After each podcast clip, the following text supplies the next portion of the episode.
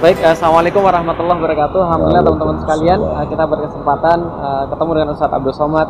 Ini adalah eh, bagian daripada adab seorang muslim ketika bersama orang yang lebih tahu, lebih mengetahui, lebih alim, kita bertanya. Jadi Ustadz, sekarang kan kita menghadapi ujian ya di tengah-tengah umat, yaitu adalah ujian yang paling dikhawatirkan oleh Rasulullah tentang ukhuwah Islamiyah. Jadi betapa banyak sekarang kita menghadapi kaum muslimin yang mungkin uh, sedang diajari Allah bagaimana caranya untuk satu sama lain berukhuwah. Bagaimana pendapat Ustaz Abdul Somad? Ketika Rasul Shallallahu Alaihi Wasallam datang, maka manusia ini dikotak-kotakkan karena sukunya, karena darah biru Quraisynya, karena kekayaannya, karena status sosialnya. Maka Nabi Muhammad membuat lompatan yang luar biasa.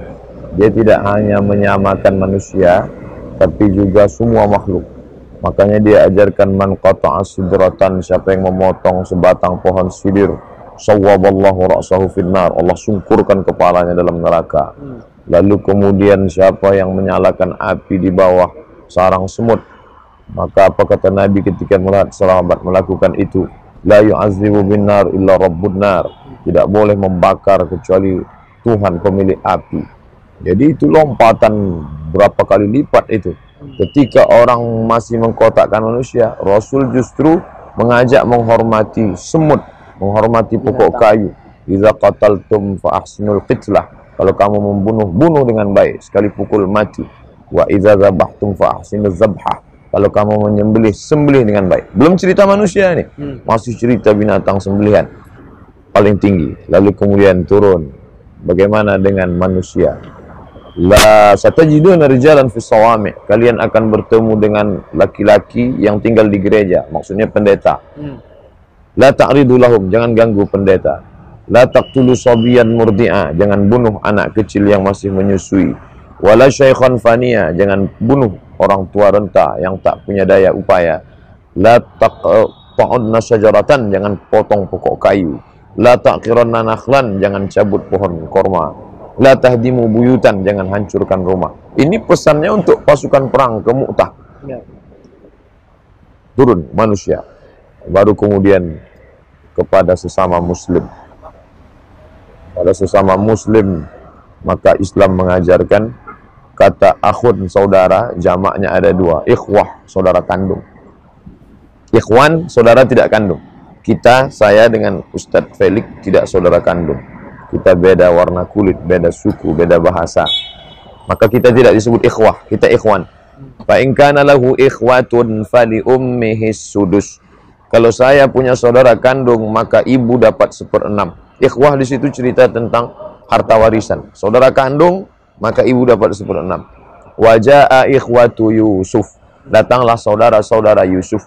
Saudara Yusuf yang datang itu saudara kandung, bukan saudara angkat, bukan saudara tiri. Tapi ada satu ayat yang semestinya pakai kata ikhwan, justru pakai kata ikhwah. Innamal mu'minuna ikhwah. Itu semestinya innamal mu'minuna ikhwan. Orang beriman itu bersaudara tapi tidak kandung. Tapi kenapa Allah pilih diksi pilihan katanya ikhwah bukan ikhwan? Mau menyatakan kalau dia sudah bersyahadat maka dia saudara kandungmu. Bagaimana sikap kita pada saudara kandung? Orang kalau sudah saudara kandung, kau jangan kau ganggu saudara kandungku itu. Kalau kau ganggu nyawa taruhan.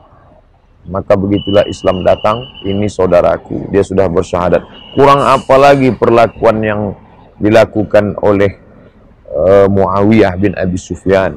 Dia bawakan beribu pasukan, dia sewakan perempuan cukup untuk menepuk-nepuk tangan dan bersuit-suit hmm. untuk menghantam Nabi Muhammad SAW. Ketika Nabi kalah pada perang Uhud, maka dia bawa kuda hitamnya menginjak-injak jenazah. Dia tanya mana Muhammad? Mana Muhammad? Nabi SAW disembunyikan oleh para sahabat.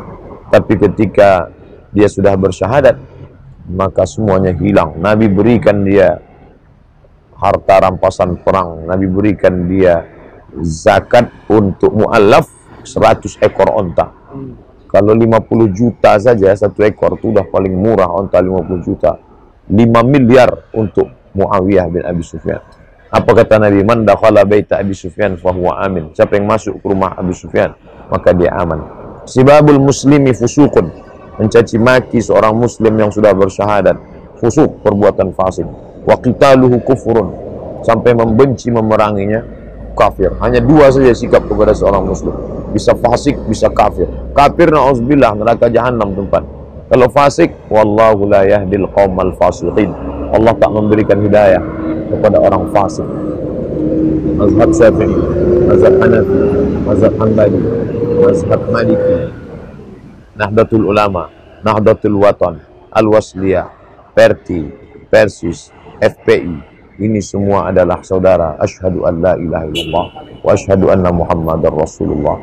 Bahwa ada ikhtilaf masalah usolli, masalah takbiratul ihram mengangkat setelinga atau sebahu, masalah bersentuhan perempuan laki-laki batal atau tak batal, masalah berkunut subuh atau tidak, masalah bayar zakat fitrah pakai makanan pokok atau pakai uang, masalah jarak kosor solat berapa kilometer, ini khilafiyah remeh temeh.